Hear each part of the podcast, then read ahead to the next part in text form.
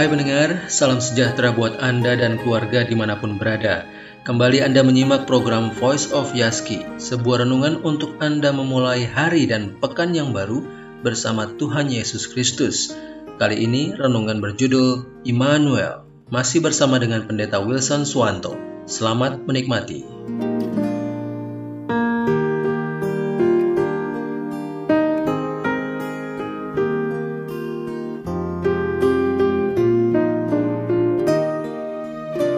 Saudara yang terkasih, Matius 1 ayat 23 berkata, Sesungguhnya anak darah itu akan mengandung dan melahirkan seorang anak laki-laki.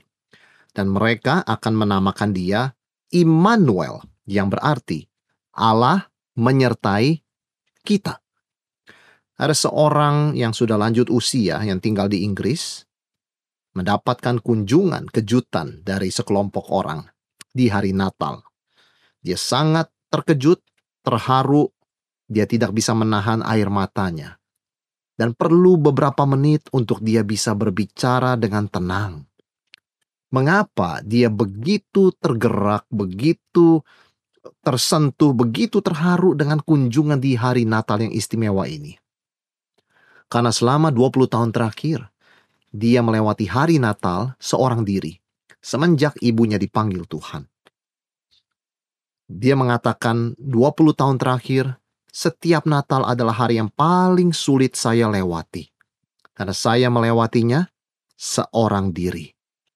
Kita melihat di negara-negara maju, ada banyak sekali orang justru mengalami kesepian yang begitu mendalam ketika hari Natal tiba. Dan hal ini juga mulai terjadi bahkan di negara-negara lainnya, negara-negara berkembang termasuk di tengah-tengah kita.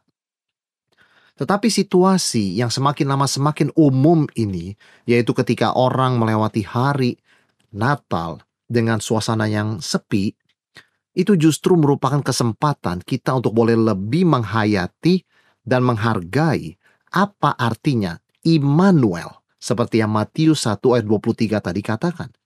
Allah beserta kita. Kita tahu dalam sebuah pesta, ketika pesta sudah berjalan sekian lama, mungkin pesta pernikahan, ketika salah seorang tamu mulai berkata, "Oke, okay, kami permisi dulu, waktu sudah cukup malam, kami permisi mau pulang." Ketika satu tamu meminta izin untuk pulang, maka tidak lama setelah itu biasanya tamu-tamu lainnya pun mengatakan, "Iya, kami juga minta izin." Dalam sekejap mata, Tiba-tiba ruang pesta yang tadinya penuh dengan riuh tawa dan ramai berubah menjadi hening, sunyi, dan sepi. Jumlah manusia yang begitu banyak tiba-tiba berubah menjadi hanya tinggal beberapa orang. Dan ini yang sering terjadi dalam kehidupan kita. Ada masa di mana kita mempunyai banyak orang di sekitar kita. Tetapi tiba-tiba tanpa diduga, tanpa diharapkan, hanya tinggal kita. Hanya tinggal mungkin kita dengan pasangan kita. Misalnya ketika anak-anak sudah besar, sudah menikah, berkeluarga, bahkan pindah ke kota lain atau bahkan ke negara lain. Bayangkan, tetapi justru momen-momen kita mengalami kesepian, ketersendirian. Itu adalah momen untuk lebih menghayati, menghargai betapa indahnya kebenaran bahwa Allah beserta dengan kita Immanuel. Apa itu artinya bagi kita Allah beserta kita? Allah Immanuel, Allah beserta kita adalah sebuah penghiburan yang besar. Kita terhibur ketika kita tahu kita tidak seorang diri. Ada yang menemani, ada yang mendampingi, ada yang mengerti, ada yang merasakan dan mengalami apa yang kita rasakan, dan alami. Ada seorang yang susah hatinya ketika melihat goresan di mobilnya. Mobilnya ini mobil baru dan ada satu goresan, hatinya susah. Dia sangat susah memikirkan setiap kali dia melihat goresan itu, dia tidak habis pikir di mana terjadinya, kapan terjadinya, bagaimana terjadinya, siapa yang tega melakukannya.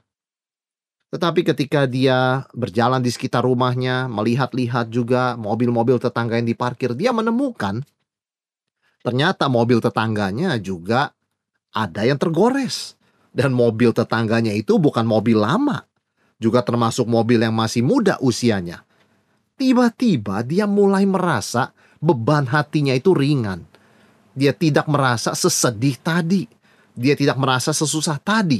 Mengapa? Bukan karena dia senang orang lain itu mengalami seperti dia, tetapi dia menyadari tiba-tiba bahwa dia tidak seorang diri. Dia tidak seorang diri, dan itulah yang menghiburkan orang tersebut. Penghiburan itu muncul ketika kita disadarkan bahwa kita tidak sendiri. Immanuel khususnya sebagai orang Kristen, kita tahu bahwa Tuhan beserta kita, bahkan dalam momen-momen yang paling sepi dan gelap sekalipun. Nah, sebagai orang percaya, orang yang percaya kepada Tuhan Yesus Kristus sebagai Tuhan dan Juru Selamat kita, kita punya Roh Kudus. Dan Roh Kudus adalah kehadiran Kristus, kehadiran Allah sendiri di dalam diri kita secara permanen, sehingga tubuh kita disebut bait Roh Kudus. Dan itulah sebabnya Roh Kudus juga disebut Roh Penghibur, karena Dialah yang menyadarkan kita senantiasa bahwa kita tidak pernah sendiri. Sering terjadi kita lupa fakta ini. Kita lupa penyertaan Tuhan, kita lupa kehadiran Tuhan, kita lupa bahwa Allah kita adalah Immanuel. Tetapi itu tidak mengubah fakta bahwa Tuhan adalah Tuhan yang beserta kita dan sumber penghiburan kita.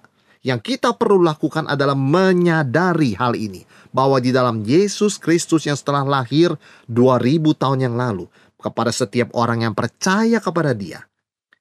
Allah beserta dengan kita.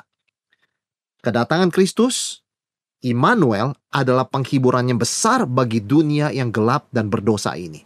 Itu sebabnya di dalam menubuatkan datangnya Tuhan Yesus, datangnya Mesias, Nabi Yesaya berseru dalam Yesaya 40 ayat 1.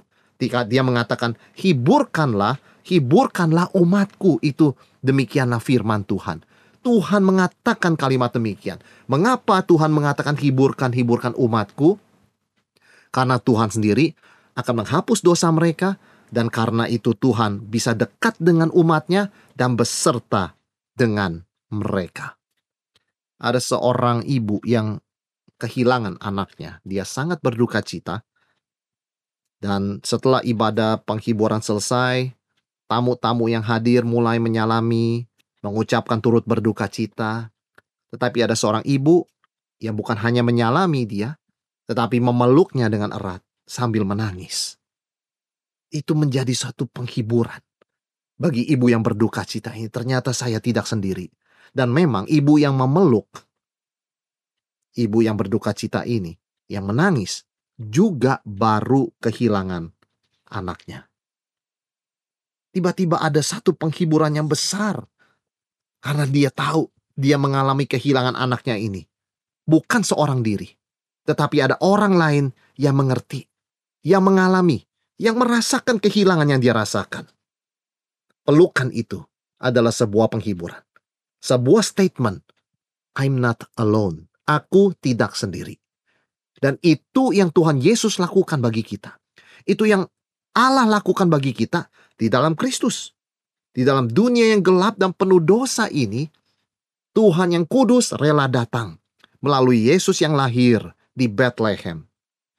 Tuhan datang di dalam Kristus dan mau tinggal bersama dengan kita. Bukan berkunjung untuk kemudian pergi lagi meninggalkan kita, tapi datang untuk tinggal tetap di hati orang percaya. Immanuel, Allah beserta kita, adalah sumber penghiburan karena kita selalu diingatkan dalam segala situasi kita tidak pernah sendiri. Banyak orang ketika lupa hal ini mulai berpikir dengan hal-hal yang aneh-aneh.